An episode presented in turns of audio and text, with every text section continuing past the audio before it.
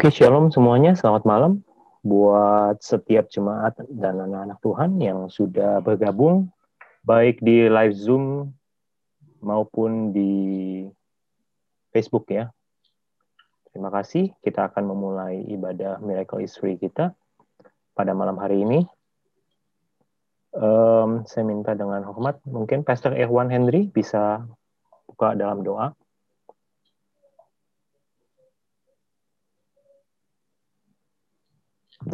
Sorry, Pastor Irwan, sorry, saya udah unmute. Bisa Pastor Irwan di unmute? Oke, okay. Ya, terima kasih. Yuk, sebelum kita ibadah, kita mulai kita ambil untuk berdoa.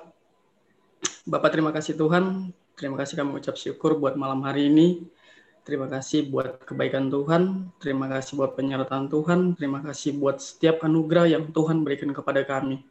Kami bersyukur Tuhan kalau malam hari ini Tuhan kumpulkan kami untuk beribadah dalam ibadah Miracle is Free. Mari Tuhan tuntun kami setiap jemaat, bahkan hamba-hamba Tuhan yang di tempat ini, Tuhan tuntun kami untuk lebih mendalami akan arti firman yang akan disiarkan di tempat ini Bapak. Terima kasih, berkati juga Tuhan Yesus, hambamu yang akan menyampaikan firman buat Pastor Paulus, Tuhan rapi, Tuhan berikan kekuatan, Tuhan menjadikan menjadi pemimpin, bahkan menjadi Bapak rohani, bahkan gembala buat kami Bapak. Terima hmm. kasih Tuhan Yesus. Dalam nama Tuhan kami ucap syukur berdoa yang percaya bersama-sama katakan amin. amin. Terima kasih Pastor Irwan. Kita akan mulai ibadah kita. Silakan Ibu Santi.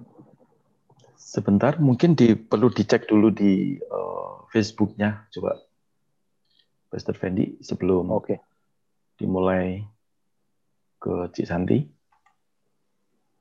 Belum di ini nih. Lambat.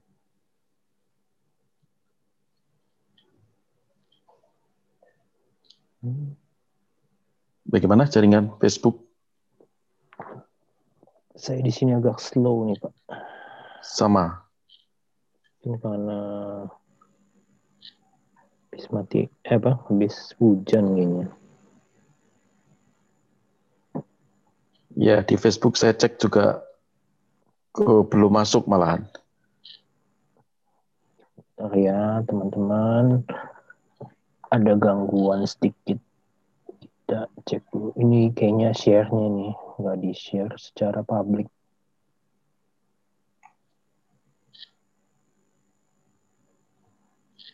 Bentar. Baru login.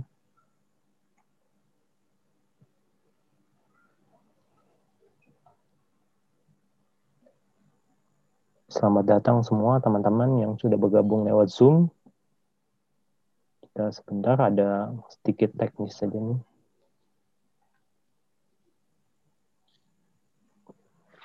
Mungkin lagunya sudah bisa disiapin ya Pak. Oke, silakan Cik Santi. Shalom semuanya. Shalom semuanya. Shalom. Nah, Gak terasa waktu cepat waktu cepat berlalu. Berlalu. Sudah ketemu lagi hari ketemu Kamis. lagi hari Kamis. Berapa banyak yang percaya? Berapa banyak yang percaya? Kalau ada Tuhan, ada Tuhan yang kayak di dalam kayak di dalam kehidupan kita. Boleh boleh pokoknya jempol. Pokoknya jempolnya. Oke. Okay. Okay. Ada sama-sama sama-sama kita memuji Tuhan. Terlebih dulu kita akan dengar pujian berikut ini. Kita mau mengangkat pujian ini. Terima kasih Bapak buat kasih setiamu dalam siapkan hatimu, beri yang terbaik buat Tuhan. Mari kita memuji Tuhan, menyembah Tuhan pada malam hari ini. Haleluya. Meskipun takut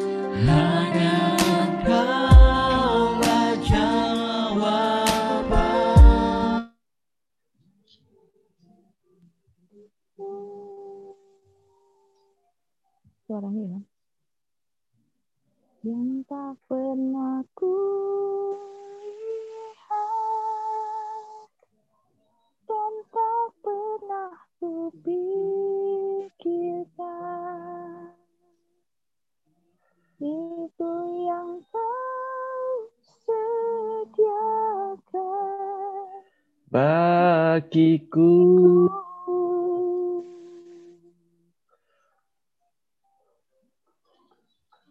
Mari sama-sama angkat pujian ini sekali lagi. Haleluya.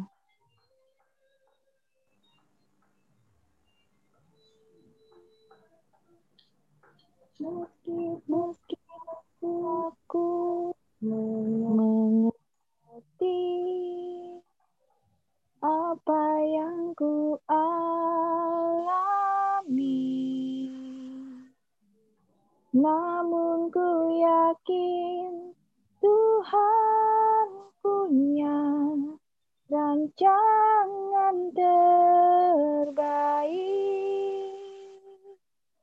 Pertolonganku datang darimu, Yesus yang ku percaya. yang tak mungkin bagiku. Semua mungkin bagimu. Hanya kalah jawaban hidupku. yang tak pernah kulihat, yang, yang tak pernah ku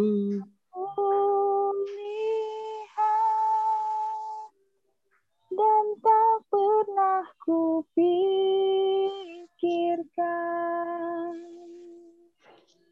Itu yang kau sediakan bagiku.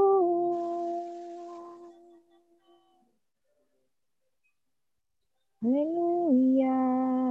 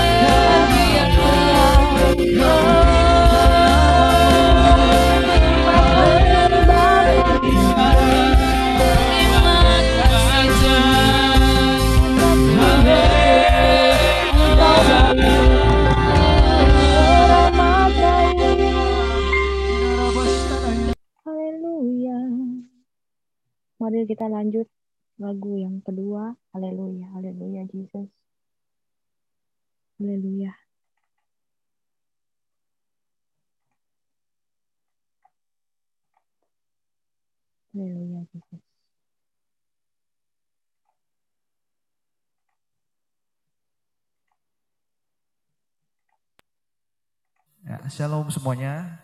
Uh, perkenalkan ini lagu baru kami, uh, judulnya Kepastian. Boleh sama-sama kita dengarkan ya. Haleluya.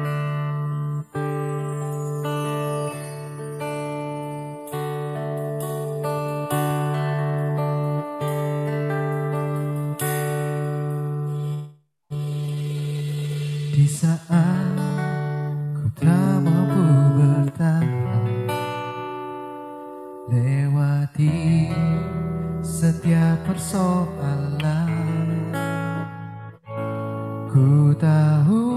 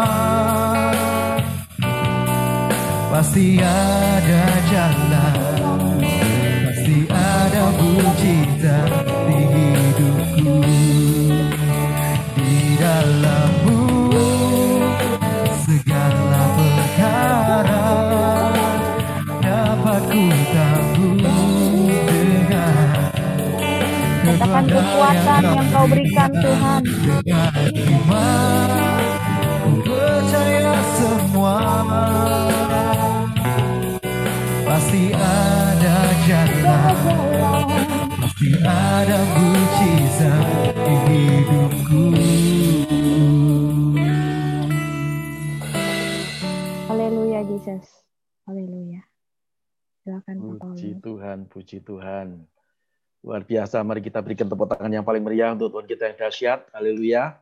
Puji Tuhan. Sha- Shalom saudara, malam hari ini kita akan masuk di dalam firman Tuhan. Tapi sebelum kita masuk di dalam firman Tuhan, kita berdoa bersama-sama terlebih dulu. Kita tundukkan kepala. Saya minta Pastor Rudi Wawa pimpin kita dalam doa untuk kita masuk dalam firman Tuhan. Silakan.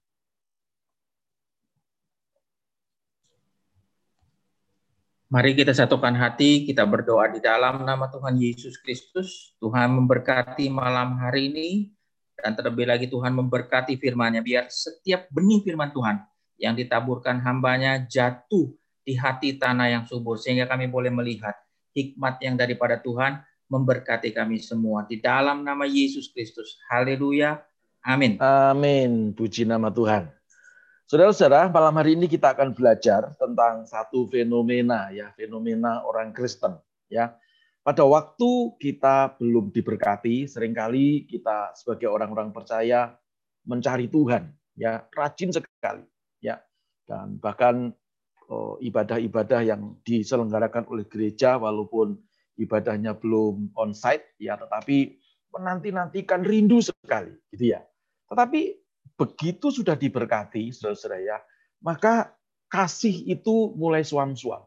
Ya, kerinduan akan Tuhan itu mulai suam-suam sehingga yang terjadi, ya, seperti Alkitab mengatakan, ya, kekristenan itu ya menjadi suam-suam kuku. Ya, nah kalau kita punya anak bayi, misalnya ibu-ibu yang malam hari ini mengikuti program Miracle is Free, ya coba kalau anak yang masih kecil gitu ya, kan tidak mungkin pada waktu kita memandikan seorang bayi itu lalu kita kasih air dingin gitu kan, kedinginan.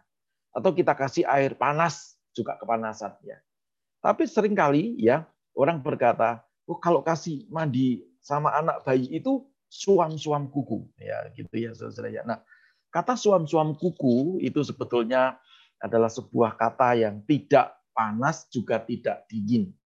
Kalau kita bicara tentang firman Tuhan ya, saya akan membawa saudara semuanya untuk kita membaca di dalam karena malam hari ini saya tidak terlalu banyak uh, uh, apa namanya pakai slide ya saudara ya. Justru kita mau lebih serius membahas tentang satu fenomena ini supaya pada waktu Tuhan Yesus datang yang kedua kali kita tetap memiliki iman, kita tetap percaya dan justru sebelum kedatangan Tuhan yang kedua kali dan selagi kita masih hidup di tengah-tengah dunia ini, kita tetap memiliki iman, pengharapan dan kasih kepada Tuhan itu tidak suam-suam kuku. Yang mau tidak suam-suam kuku katakan amin. Nah, di dalam Wahyu pasal yang ketiga, ayat yang ke-15 sampai yang ke-22, ya, ini kepada jemaat yang di Laodikia. Ya, di dalam Alkitab itu dikatakan ada tujuh jemaat yang dinasehati Tuhan. Yang pertama adalah jemaat Efesus, yang kedua jemaat Smyrna, yang ketiga jemaat Pergamus, lalu Tiatira, lalu Sardis, lalu Philadelphia, dan yang terakhir ini adalah Laodikia. Kita baca dulu, baru nanti kita akan membahasnya. Wahyu 3 ayat yang ke-15 sampai yang ke-22. Kita membaca bersama-sama dengan suara yang cukup keras. Satu, dua, tiga. Aku tahu segala pekerjaanmu, engkau tidak dingin dan tidak panas. Alangkah baiknya jikalau engkau dingin atau panas.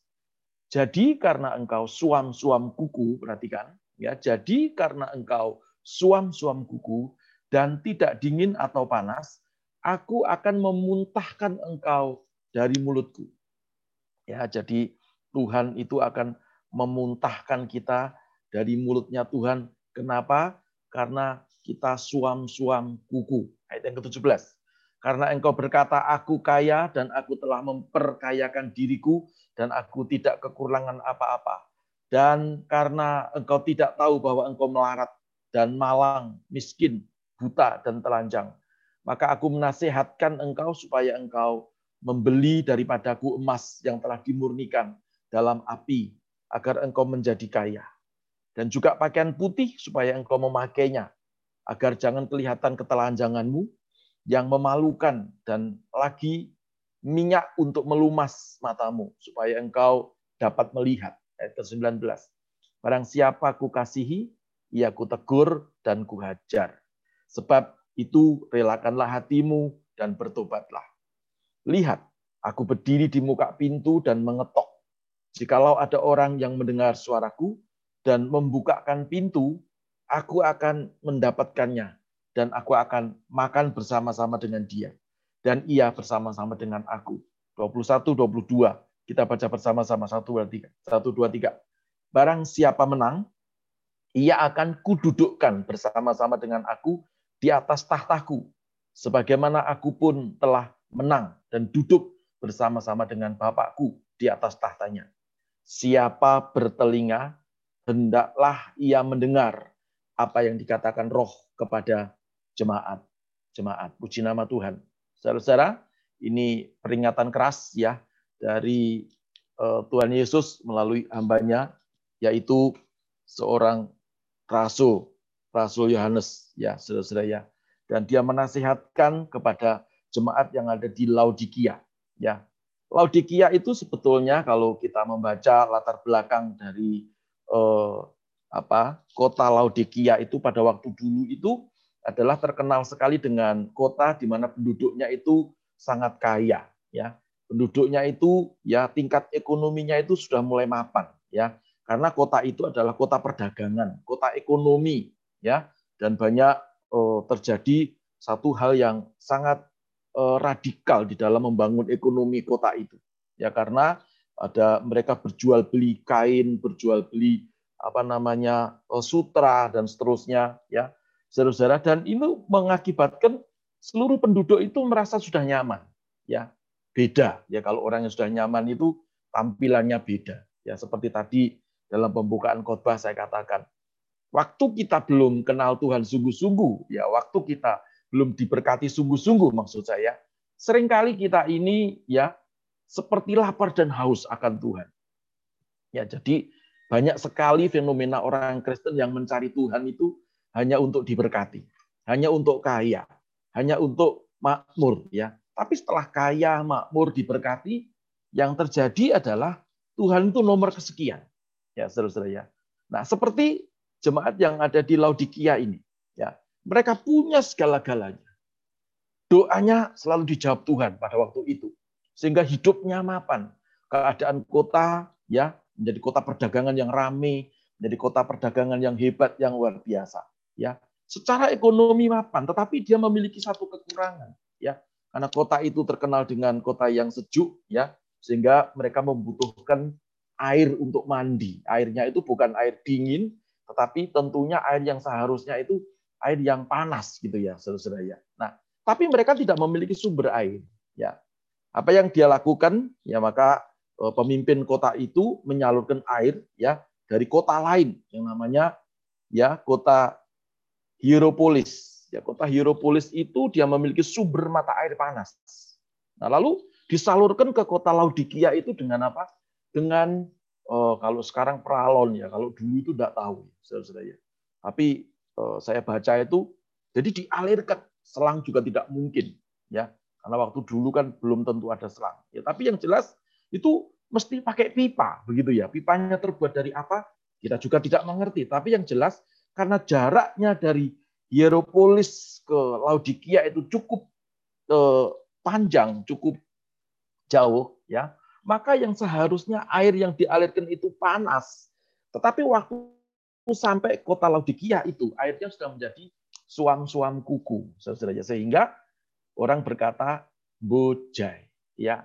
Orang berkata percuma, untuk apa jauh-jauh dari Hieropolis menyalurkan air, tapi kalau sudah sampai di kota, untuk apa airnya hanya suam-suam kuku. Nah ini keadaan yang seperti ini sangat cocok untuk menasehati iman, pengharapan, dan kasihnya orang-orang Laodikia atau jemaat Laodikia kepada Tuhan. Mereka mengalami suam-suam kuku sampai Tuhan berkata, karena engkau tidak panas, ya, tidak dingin, maka aku akan memuntahkan engkau dari mulutku, kata Tuhan. Perhatikan, ya.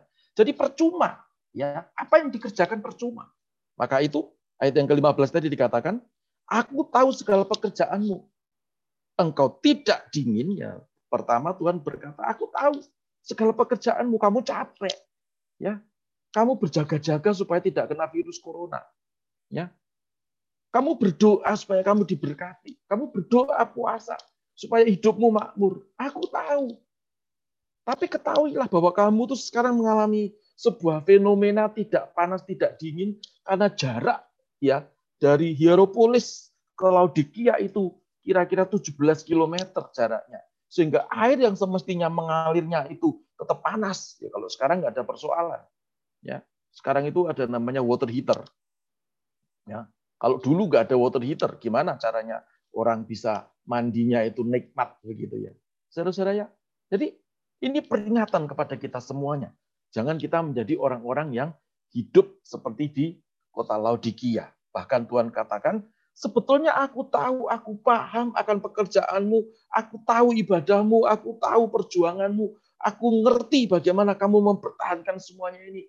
Tapi karena kamu tidak panas dan tidak dingin, Alkitab berkata, maka aku memuntahkan kamu. Nah, ini sesuatu yang menurut saya agak agak agak bagaimana begitu, saudara-saudara ya. Jadi eh, ini ini sesuatu yang tidak baik ya. Justru kalau dimuntahkan itu ya Kata dimuntahkan kan tidak mungkin ya. Orang dimuntahkan lalu dimakan lagi. Maaf ya, kecuali itu di dalam Alkitab dikatakan.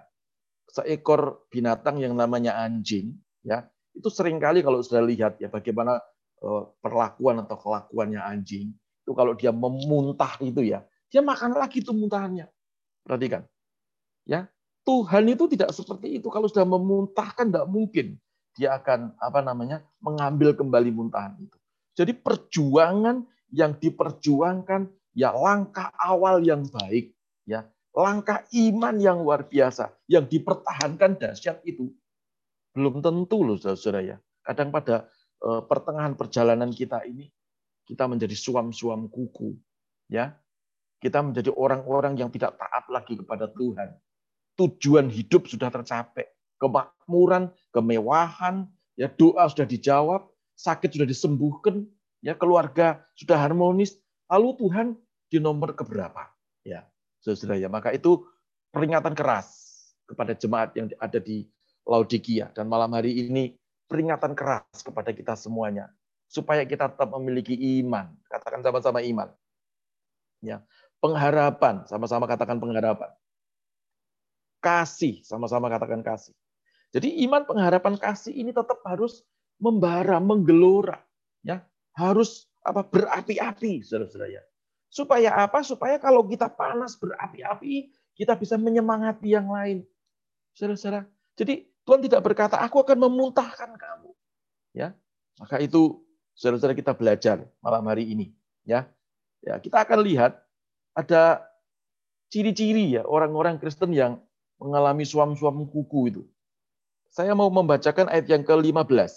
Ya, ayat yang ke-15. Aku tahu segala pekerjaanmu. Engkau tidak dingin dan tidak panas. Alangkah baiknya jika engkau dingin atau panas. Ya, saudara ini bicara apa? Orang yang ibadahnya itu hanya memburu tentang lahiriah. Ya. Seringkali kita diperhadapkan dengan fenomena ya, fenomena dunia ini. Katanya kalau oh, iba apa namanya? pergi ke gereja lalu sederhana itu katanya imannya tuh kurang. Ya. Padahal dalam kesederhanaan itu Tuhan hadir loh saja. Amin. Ya. Tuhan juga bisa hadir dalam glory, dalam kemuliaan. Ya, tetapi Yesus lahir di dunia yang uh, nanti bulan depan kita akan merayakan Natal. Ya, Saudara. Kenapa Yesusnya tidak lahir di apa? Di istana raja? Dia lahirnya di kandang domba yang hina. Tapi dia hadir. Dia lahir, perhatikan. Ya. Kalau hari-hari ini saudara sedang diizinkan Tuhan masuk dalam sebuah proses kesederhanaan. Percaya saja. Dalam kesederhanaan itu Tuhan hadir. Amin. Jadi jangan suam-suam. Ciri-ciri orang yang mengalami suam-suam kuku itu adalah orang yang ibadahnya itu hanya memburu lahiriah, tampilannya saja. Ya, tapi dia tidak pernah perhatikan hal-hal yang spirit. Bagaimana hubungannya dengan Tuhan? Jauh sekali. Perhatikan tadi, ya. Dari kota Hieropolis ke Laodikia itu 17 km, jauh sekali. Di Hieropolis masih panas airnya. Tapi karena ya terlalu jauh pipanya itu, saudara ya. Di perjalanan sudah kena dinginnya udara. Maka air yang sampai ke Laodikia ini sudah suam-suam kuku. Percuma. Lalu dimuntahkan. Pekerjaannya Tuhan celah. Sudah ya. Jadi itu yang malam hari ini kita mau belajar bersama-sama. Ya. Tapi kalau saudara tetap memiliki iman yang semangat, ya pengharapannya kepada Tuhan, bukan kepada manusia. Kasihmu sempurna hanya kepada Tuhan. Saya berdoa dalam nama Yesus menghadapi masa-masa yang sukar seperti ini. Ya, segala yang engkau kerjakan dengan kedua tanganmu, saudara, Tuhan akan memberkati engkau sehingga engkau berhasil dan beruntung. Yang berhasil dan beruntung yang mau katakan amin. Ya.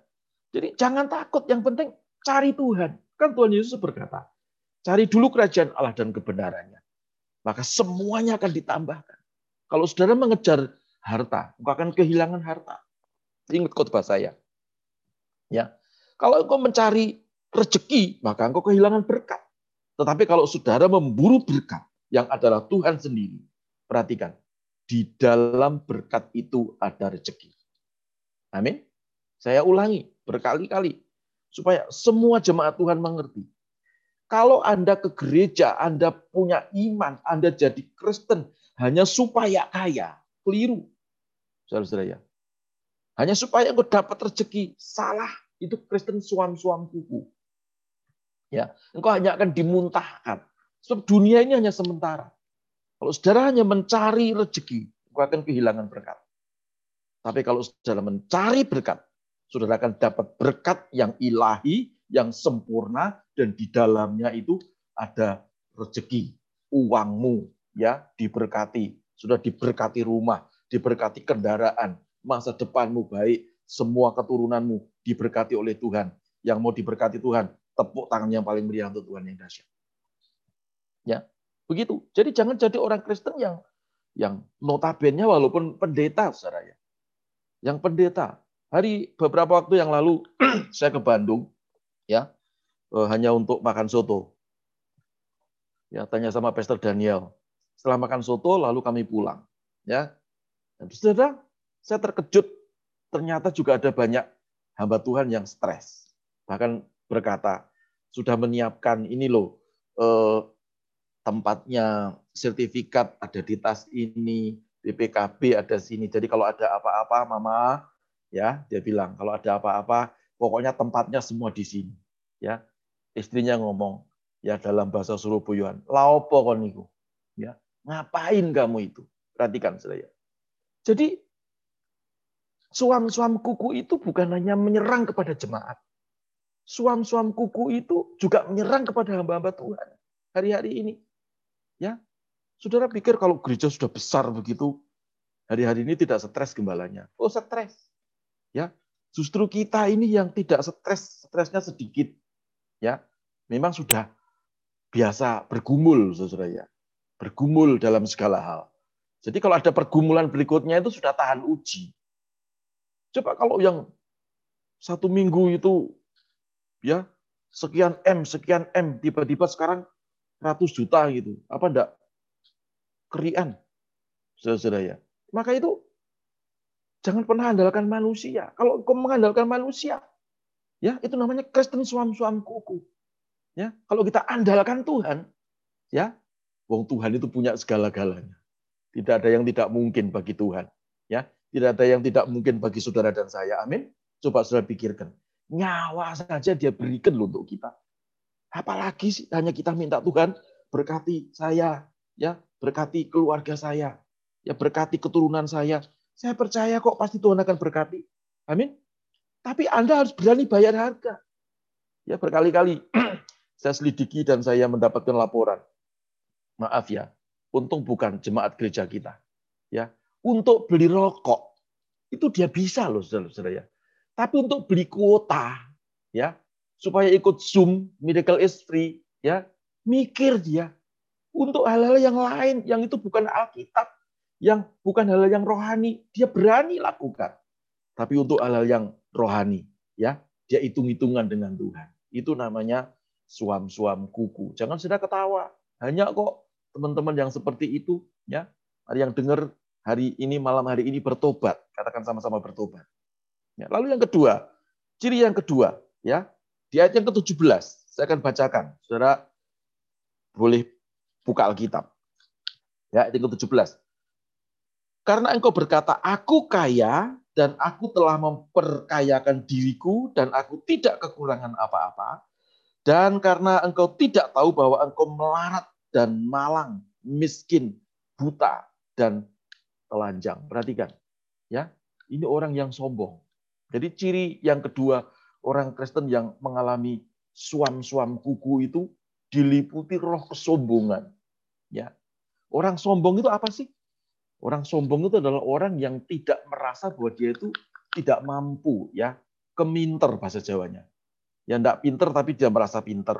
Yang tidak bisa tapi dia merasa bisa. Hanya merasa. Dia seolah-olah sudah memiliki semuanya.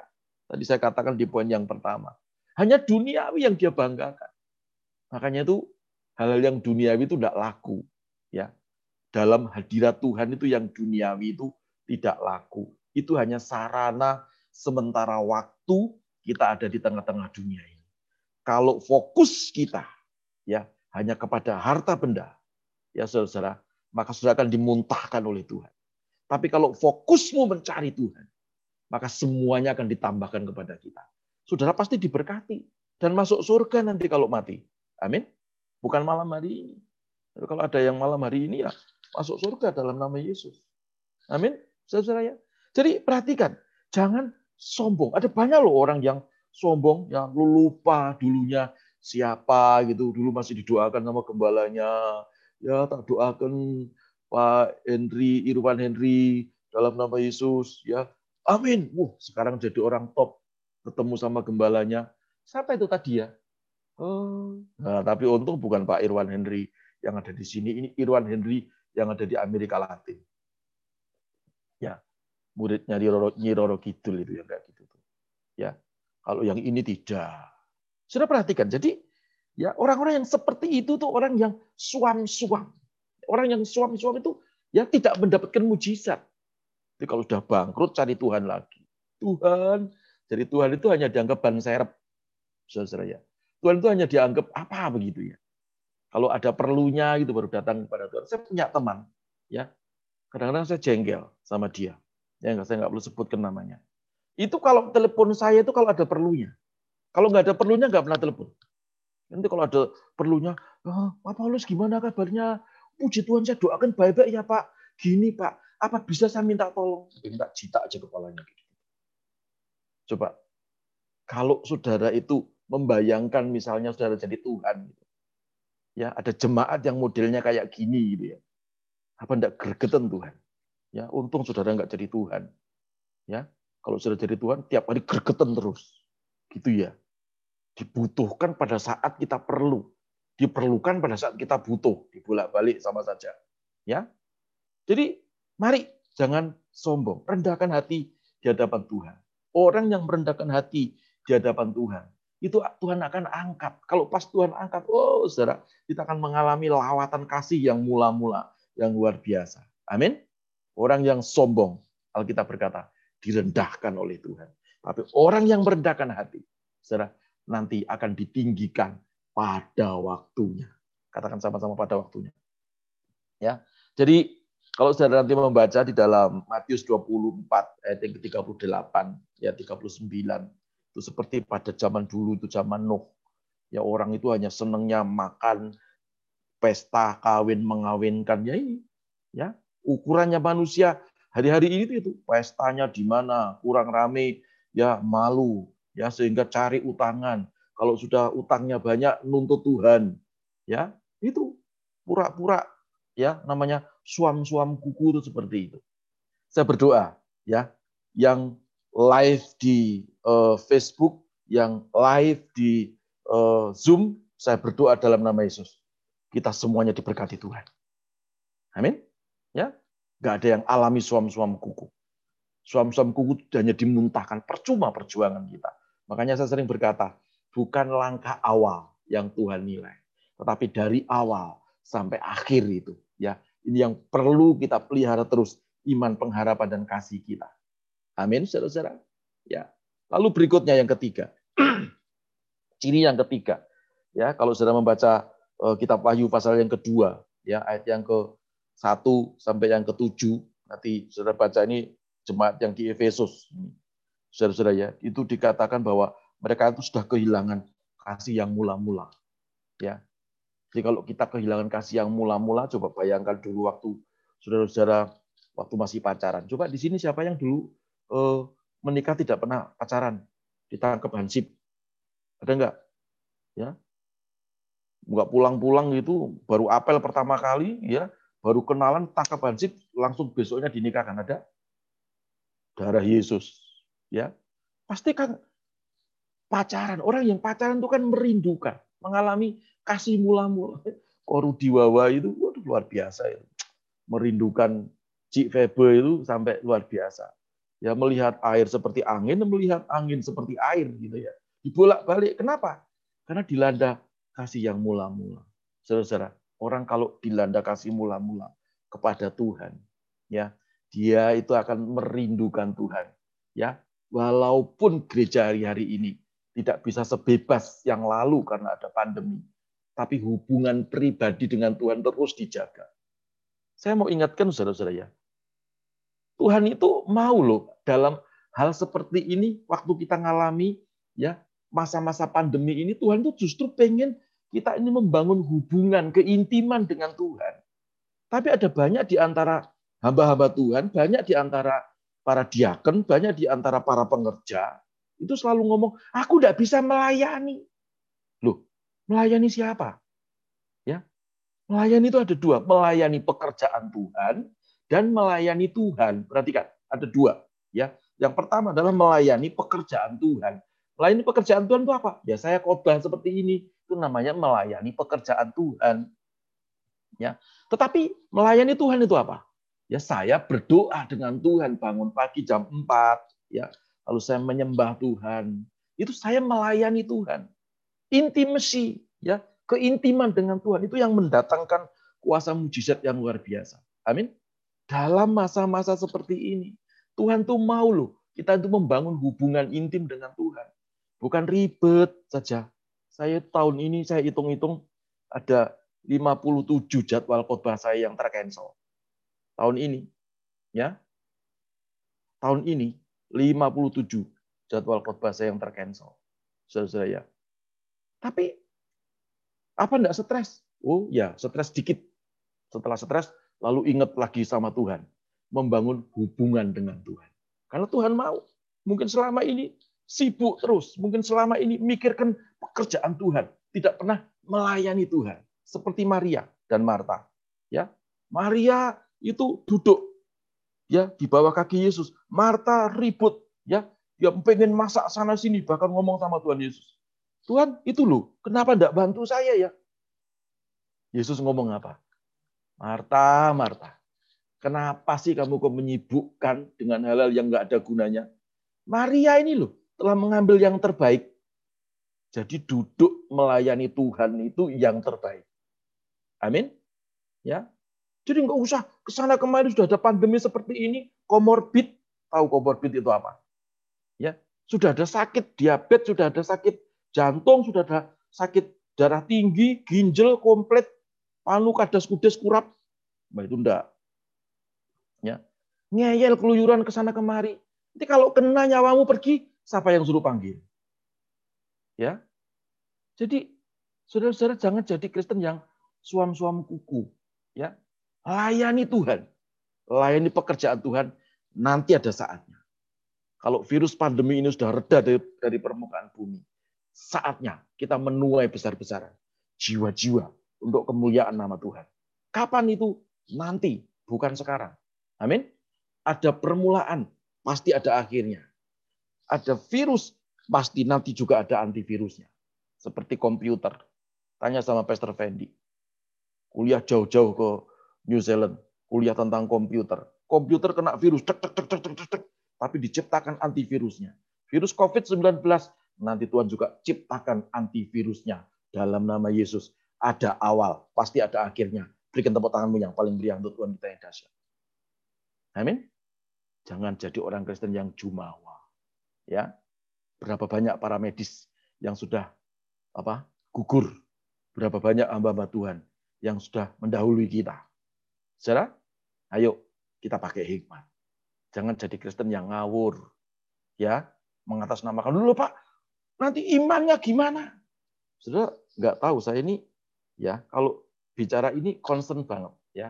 Bahkan tadi siang saya telepon kepada eh, salah satu pemerintah daerah DKI bicara tentang bagaimana caranya ya walaupun itu personal itu personal saudara saya saya berkata bahwa ini nggak main-main kita harus memutuskan mata rantainya seperti dosa kalau anda tidak memutuskan dosa maka dosa memperanakkan dosa seperti virus ini.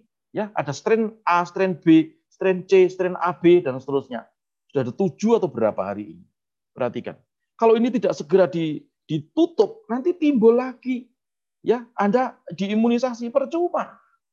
Ya, dosa harus diakui, harus bertobat. Jangan sampai kita dimuntahkan oleh Tuhan dan Tuhan berkata, percuma, aku ngerti kamu tuh udah capek, aku ngerti kamu sudah sudah habis-habisan melayani. Tapi aku muntahkan kamu. Karena jaraknya itu loh. Dari Hieropolis ke Laodikia itu 17 km. Airnya itu sudah suam-suam kuku. Aku tidak mau. Kalau dingin, dingin sekalian. Kalau panas, panas sekalian. Amin. Ya, Beda malam hari ini. Miracle is free-nya. Ini teguran keras bagi kita semuanya.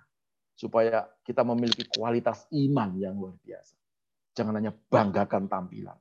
Tapi banggakan spirit saudara. Tumpang tangan orang sakit, orang sakit sembuh. Pak, kalau tumpang tangan itu kan berarti mendatangi. Oh tidak. Saya sering kali, bahkan yang ada di Papua, ya, saudara-saudara, kesurupan setan. Saya hanya mendoakan baik pun begini nih, ya. Saya doakan dalam nama Yesus ini handphone saya kelihatan kan? Dalam Yesus kelihatan ya dan sembuh dan setannya pergi. Amin. Tuhan yang omnipresent, yang maha hadir. Kita bukan omnipresent. Amin. Tetapi kita punya iman. Kalau kita perkatakan dengan wibawa ilahi, tidak ada yang tidak mungkin bagi orang yang percaya kepada Tuhan. Berikan tepuk tanganmu yang paling mulia untuk Tuhan kita yang dasar. Ya, lalu gimana caranya? Supaya hidup kita, iman, pengharapan, dan kasih kita tidak suam-suam kuku. Kembali ke ayat yang ke-19. Ya, dari Wahyu pasal yang ketiga. Wahyu pasal yang ketiga, maaf, ayat yang ke-9. Oh. Maaf, maaf ya.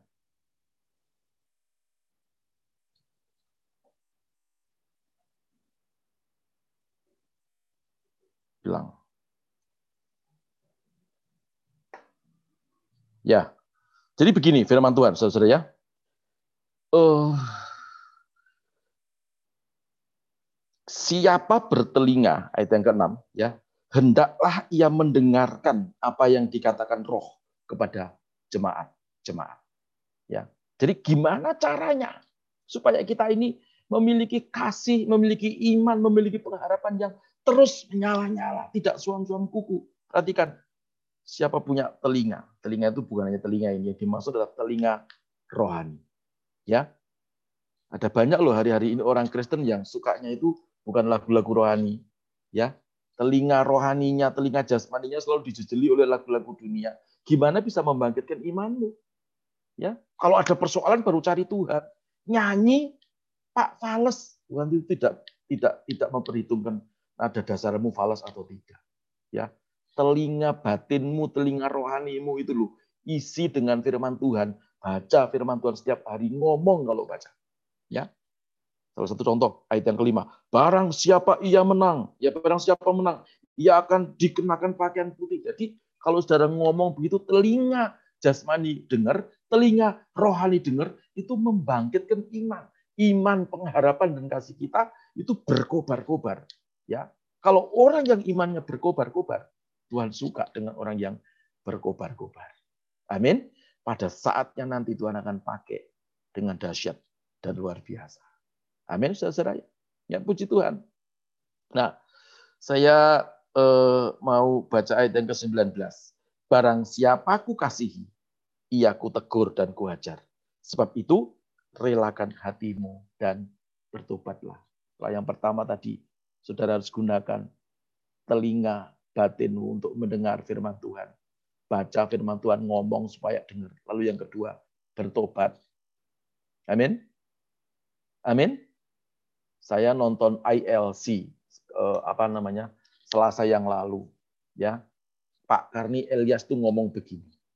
Orang itu kalau sudah ketahuan salah, ya, lalu ditegur dan dia bertobat, hebat. Saya ulangi, ya.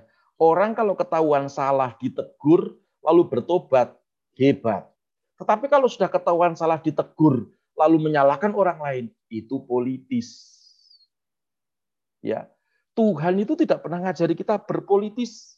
Tuhan ngajari kita jujur apa adanya. Ingat kota minggu saya, minggu yang lalu, ya, tentang eh, percepatan dalam kemuliaan. Ya, Musa bergaul dengan Tuhan. Pada waktu Musa dengan Tuhan, ya di Gunung Sinai, maka cadarnya itu dibuka. Dia sendiri dengan Tuhan. Apa adanya. Perhatikan. Sudah datang kepada Tuhan juga harus apa adanya. Bertobat. Tuhan, aku tidak mampu. Aku belum mampu. Aku belum bisa ajari. Nah, roh kudus itu yang dalam hidup kita ini. Fungsi daripada roh kudus itu memampukan kita. Amin. Ya, membuat yang tidak mungkin jadi mungkin. Ya, luar biasa. Jadi dua saja yang ingin saya sampaikan malam hari ini. Gimana caranya? Yang pertama, telinga ini loh. Ya, telinga ini. Kasih firman tiap hari. Kasih firman tiap hari. Baca, ngomong supaya dengar, imanmu timbul, pengharapanmu tumbuh, kasihmu tumbuh, semangatmu menyala-nyala, tidak suam-suam kuku, nanti saudara masuk makan sehidangan bersama-sama dengan Tuhan. Amin. Yang kedua, jangan berdalih. Rendahkan hati dan ngomong, ya saya salah Tuhan, ampuni saya. Amin. Ya, Yudas itu loh tidak pernah bertobat. Dia nyesel.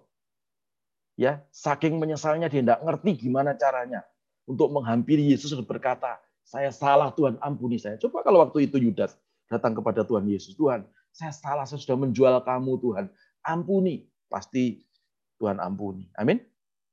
Tapi Yudas tidak mengakhiri hidupnya dengan gantung diri. Saudara, jatuh kena batu perutnya robek.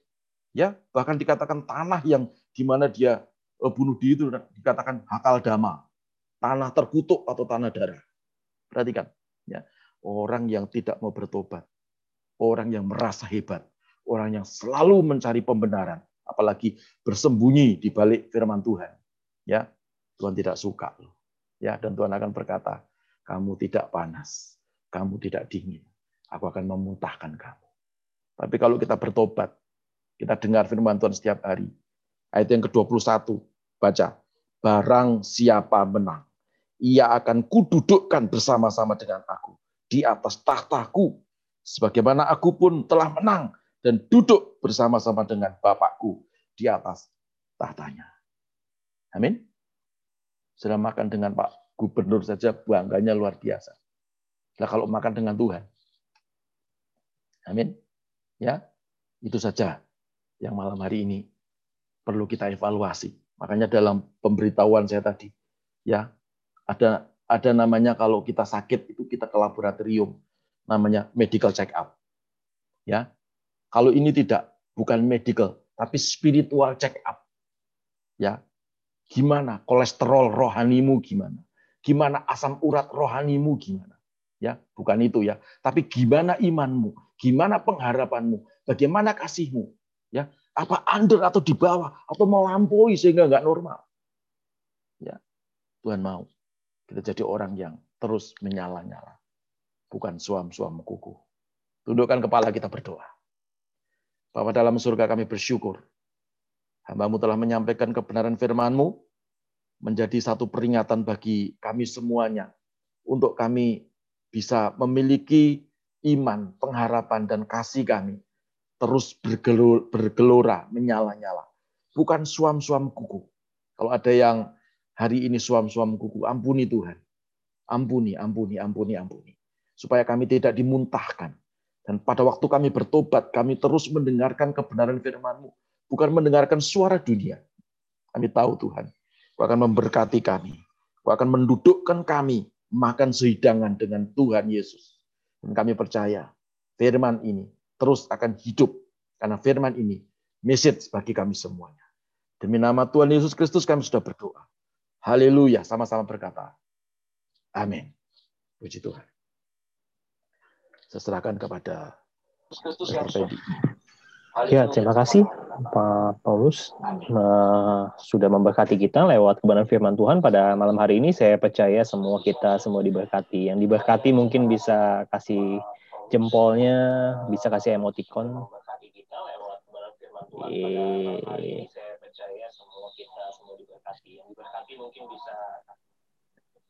Oke, kita mulai nanti. Uh, saya akan buka nanti kepada semua jemaat yang hadir di Zoom. Dan tapi sebelumnya saya akan membacakan permohonan doa pada malam hari ini. Ada dua permohonan doa. Yang pertama datang dari Bu Linda. Saya akan bacakan Bu Linda meminta dukungan doa untuk suaminya Pak John yang saat sekarang ini sedang dirawat. Posisinya adalah HB-nya kurang, jadi suaminya tidak bisa cuci darah Mohon didukung dalam doa dan supaya keluarganya dipulihkan. Terima kasih. Itu dari Bu Linda. Ini gimana? Ini kita doakan langsung aja ya. Mana Ibu Gembala, mana ini? Berdoa buat Pak John.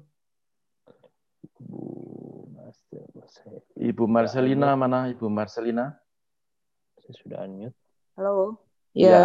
Tolong didoakan Pak John, HB-nya rendah, sehingga tidak bisa cuci darah. Sekarang kondisinya masih ada di rumah sakit. Silakan berdoa.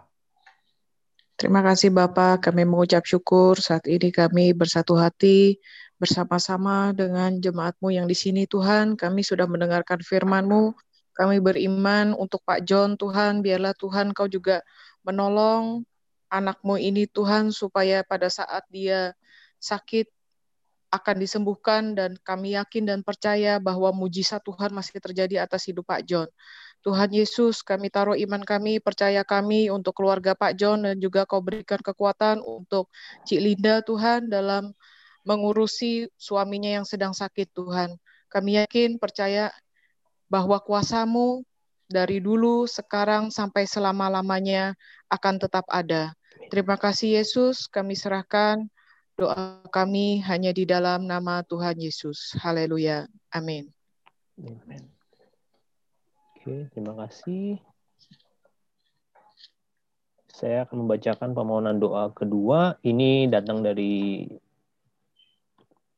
Facebook ya, dari Ibu Mira. Selamat malam, Pak. Saya mohon doanya untuk anak saya yang belum mau terima Tuhan Yesus. Anak saya ada dua. Yang pertama namanya Sansan, yang kedua namanya Johan. Terima kasih, Pak. Tuhan Yesus memberkati. Oke, siapa yang akan doa? Ada, Mira dan Sansan. Ada Pastor David Ari ya ini. Pastor David, Ari. Pastor David Ari. Nah, ada kuliah dia. Lagi masih kuliah ya, Pak? Ya. Pak Hani, Bandung. Oke. Hani silakan Pak Hani. Sudah saya unmute. Tadi untuk Ibu Mira anaknya dua, yang pertama namanya Sansan, yang kedua namanya Johan. Pak Hani bisa? Shalom Pak Hani. Putus gini. Terputus kayaknya Pak.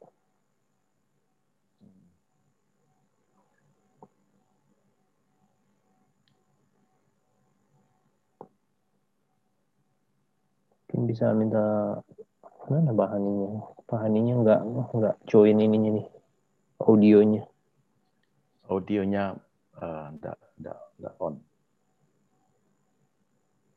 maaf ya Pastor, Pastor Villa Pastor Villa Bogor sudah di unmute bisa di unmute Pak Villa oke. Oke, bisa didoakan untuk Bu Mira, anaknya Pak. Ya, Bu, Bu Mira punya anak nama Sansan sama siapa? Sama Pak Johan. Ini kok bisa tiba-tiba. ya, Pak. Pak Vila nanti. Oke, ya, silak, ya. silakan Pak Hani. Silakan Pak Hani. Pak, maaf, mau nanya uh, Sansan sama siapa, Pak? Pak Johan, Pak. Sansan nama Johan. Ya. Mari kita berdoa.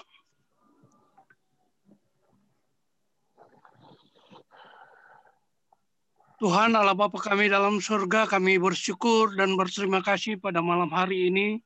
Engkau sudah boleh bertemukan kami kembali dalam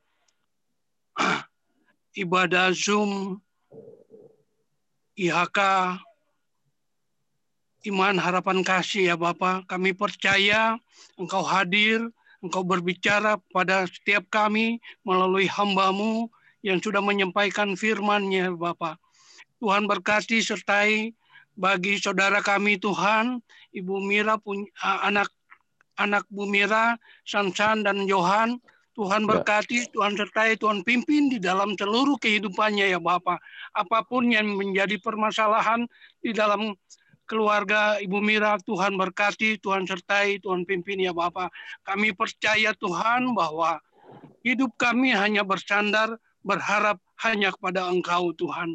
Untuk itu Tuhan kami berdoa kiranya hidup kami Tuhan, khususnya bagi Sansan dan Johan, supaya terus mengandalkan Tuhan di dalam seluruh kehidupannya mengutamakan firman, memperkatakan firman di dalam kehidupannya, ya Bapak. Setiap detik Tuhan, karena firman adalah pelita bagi kaki kami dan terang pada jalan kami, ya Bapak. Kami hidup hanya untuk kemuliaan namamu. Terima kasih Bapak.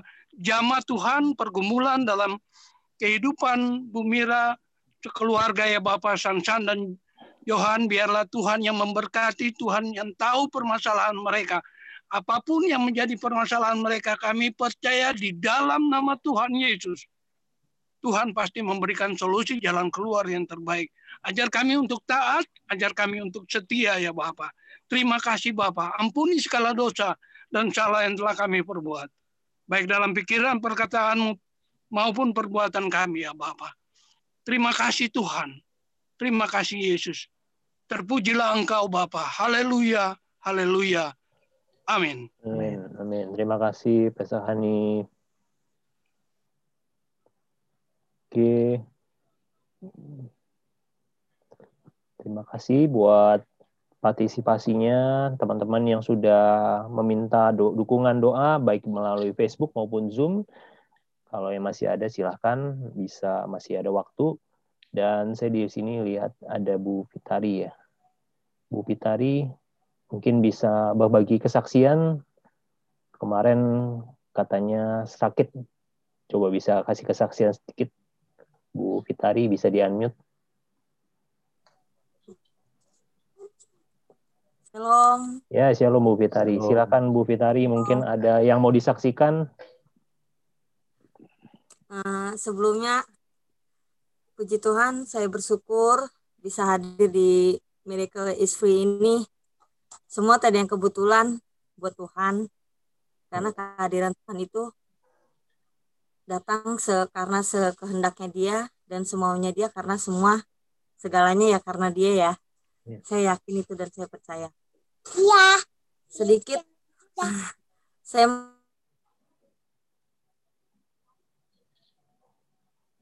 Ya. Gimana Bu? Hilang suaranya. Ah, blank. Sayang ya. Nanti Bu Fitari mungkin bisa kalau gabung nanti bisa terusin lagi kesaksiannya. Suaranya hilang. Iya, putus ya. Boleh enggak saya dengar Pak Santo? Pak Santo sudah sembuh Pak Santo. Iya, Pak Santo nih. Silakan Pak Santo berbagi kesaksian pada malam ini. Saya sudah unmute silakan di unmute Pak Santo. Puji Tuhan, pada saat ini saya sehat. Ya, lihat sendiri keadaan saya. ya, saya sedikit kesaksian mengenai waktu bulan yang lalu saya sakit tipes selama dan asam lambung ya selama hampir tiga minggu saya memang agak sulit di ya kita nggak tahu rencana Tuhan ya. Walaupun memang keadaan kita semuanya kelihatan sehat kuat ya. Tapi itu semua memang sudah rencana Tuhan.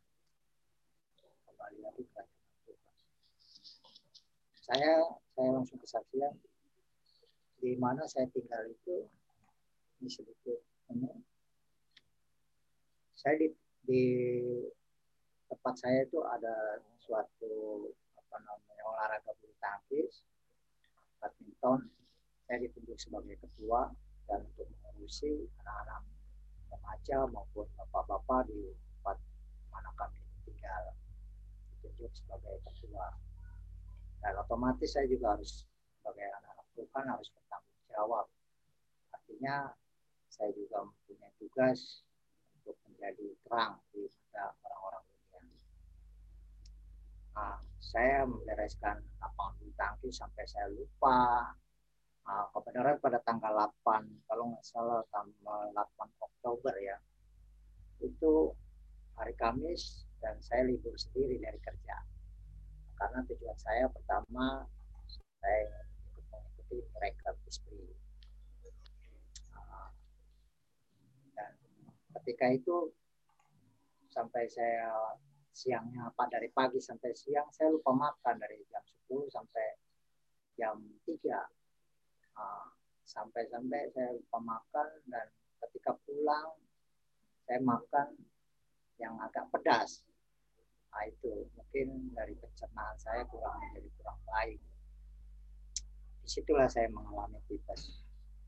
Di saat saya mengalami tipes itu uh, begitu meriang, ya apalagi orang mengira, wah ini sakit COVID nih, gitu ya. Nah, karena tipes sendiri saya juga kurang tahu. Yang setahu saya itu karena dari bakteri atau yang kurang baik. Mungkin Bapak kembali lebih paham ya karena dulu di farmasi. Nah inilah yang terjadi bagi saya. Tetapi Tuhan begitu baik. Selama dua minggu saya sempat ngedrop, ngedropnya. Kenapa kok saya tidak mengandalkan Tuhan? Gitu. Saya selalu fokus kepada penyakit saya. Padahal sumber dari segala sumber adalah Tuhan Yesus sendiri bahkan di salibnya itu dia mengatakan bahwa sudah selesai artinya dengan bilur-bilurnya kita disembuhkan nah itulah yang terjadi saat ini saya selalu fokus kepada yang peristiwa-peristiwa yang dialami saya nah di situlah saya tiap hari yang biasanya saya bangun pagi jam 5 berdoa ya. Ucap syukur kepada Tuhan ini lupa. Diabaikan selalu fokus kepada yang sakitnya. Nah ini. Mungkin ini ini adalah suatu hal yang kita perlu hikmatnya ya daripada Roh Kudus agar kita tetap menjaga kesetiaan Tuhan menjaga kesetiaan kita kepada Tuhan. Nah, tapi udah sembuh sekarang Pak Santo? Sekarang sudah sembuh Pak. Puji Tuhan. Tuhan hmm. ya ada 80 persen memang dari pikiran ya dari pikiran pekerjaan ya Pak. Ya. Saya begitu bertanggung jawab. Puji Tuhan. Kita, puji Tuhan sekarang saya sudah sehat. Amin. Karena kekuatan saya yang ya karena Tuhan sendiri yang menjaga saya. Amin. Nah, itu aja Pak. lah Tuhan sehat dalam Tuhan Yesus sehat oke okay. terima kasih Uh, Pastor Fendi apa ada Pak Yoyo ya? Pak Yoyo. Tadi saya lihat di Facebook Pak dia Pak. Di Facebook ya anaknya sudah sembuh ya. Bagaimana Pak uh, Samuel Susanto? Anaknya Pak Yoyo sudah sembuh ya? Pak Samuel, Pak Samuel. Pak Dedi, Pak Dedi. Hmm. Ya, shalom Pak. Shalom, udah sembuh ya? Uh, puji Tuhan udah sembuh Pak, udah pulang okay. ke rumah Pak. Puji Tuhan, dahsyat. Hmm. Puji Tuhan, Tuhan Yesus baik. Oke, okay, Pak Fendi saya minta waktu ya karena waktu kita berjalan terus ya. Saudara semua sudah mendengar firman Tuhan ya tadi sudah ada banyak yang didoakan, ada kesaksian bahkan juga anaknya Pak Yoyo yang eh, diganggu sama virus sudah disembuhkan oleh Tuhan dalam nama Yesus dan saya pesan hati-hati ya, semuanya harus ikuti protokol kesehatan, juga protokol iman, pengharapan dan kasih ya, hmm. supaya kita semuanya sehat jasmani dan rohani kita. Hmm. Saya minta ada yang saudara mau didoakan khusus ekonomi ya, atau semua saja angkat tangan ya, semua angkat tangan. Haleluya. Semua angkat tangan. Saya mau berdoa. Sebelum nanti setelah berdoa, nanti saya serahkan kepada host ya pada Pak Fendi. Angkat tangan tinggi-tinggi dalam nama Yesus. Tuhan Yesus kami membutuhkan pertolongan Tuhan dan kami tahu ada awal, ada akhir. Ada pandemi ini pasti juga akan berakhir, bahkan kami sudah melihat hari-hari ini ada pergerakan-pergerakan ekonomi yang sudah mulai membaik. Kami berdoa supaya Tuhan menjaga dan melindungi kami dan juga Tuhan memberikan hikmat kepada setiap anak-anakmu yang mendengar eh, pemberitaan firman malam hari ini supaya dalam nama Yesus segala apa yang kami kerjakan dengan kedua tangan kami ini Tuhan berkati sehingga pekerjaan kami bukan semakin turun tetapi pekerjaan kami semakin hari semakin naik. Bahkan berkat itu Tuhan curahkan dalam nama Tuhan Yesus sehingga kami menjadi orang-orang yang menikmati anugerah Tuhan di muka bumi ini. Kami masuk di dalam masa inovasi. Kami akan meninggalkan akselerasi dan kami percaya Tuhan memberikan inovasi-inovasi di dalam pekerjaan kami. Kami percaya Roh Kudus memberikan hikmat bagi kami. Semuanya dilindungi Tuhan. Semuanya diberkati Tuhan. Tidak ada yang miskin. Kami tolak kemiskinan. Kami tolak terpapar virus. Kami tolak eh, rumah sakit dalam nama Yesus. Dan kami percaya semuanya sehat walafiat dalam nama Yesus Tuhan. Amin. Silakan Fendi. Oke, terima kasih buat Pak Paulus sudah mendoakan setiap jemaat yang ada di Zoom maupun di Facebook. Kita percaya semua kita semua diberkati. Mari saya tadi undang Pesta Villa Alase yang tadi belum sempat untuk kita akhiri dalam doa. Silakan Pesta Villa untuk tutup di dalam doa. Mari kita berdoa. Kami bersyukur kepadamu Tuhan buat kebaikan Tuhan dan anugerah-Mu yang melimpah atas kami. Pemeliharaan Tuhan sempurna bagi setiap orang-orang yang sungguh-sungguh berharap kepada Tuhan. Firman-Mu yang meneguhkan kami, yang menguatkan kami, bahwa kami tidak boleh menjadi orang yang suam-suam gugup, tapi biarlah kami menjadi orang-orang yang sungguh-sungguh uh, taat dan terus uh, penuh dengan api kemuliaan Tuhan sehingga kami boleh melihat pembelaan Tuhan dan keberkatan Tuhan itu turun atas setiap kami. Berkati hambamu yang sudah memberkati kami dengan firman Tuhan. Berkati semua kami yang sudah mengikuti uh, live meeting Zoom ini Tuhan. Berkati semua keluarga kami yang sakit Tuhan sudah sembuhkan, yang lemah Tuhan sudah kuatkan, yang mengalami masalah pergumulan Tuhan sudah berikan jalan keluar. Terima kasih Bapa di surga. Kami mengucap syukur dan akhiri uh, ibadah persekutuan kami malam ini hanya di dalam nama Tuhan Yesus Kristus yang menjadi Tuhan dan juru selamat kami yang hidup. Amin. Terima kasih Pak Safila buat ininya, doanya. Saya sebelum tutup, saya mau mengumumkan minggu depan hari Kamis kita tetap akan mengadakan ibadah Miracle is Free jam 19.30. Uh, nanti saudara-saudara bisa mendapatkan pengumuman lebih lanjut. Dan sebelum kita akhiri saya mau mendokumentasikan mungkin kita bisa buka kita punya video saya akan foto Oke, bisa siap-siap. Satu, dua, diangkat jempolnya ya. Satu, dua, tiga. Pak Martin, Pak Hendri, Pak siapa Pak Koeka ya. Satu, sekali lagi, satu, dua, tiga. Cheers. Oke. Foto hanya yang ada di Zoom, yang di Facebook tidak bisa, jadi nggak apa-apa ya. Tetap semangat dan Tuhan Yesus memberkati kita semua. Sampai jumpa minggu depan. God bless.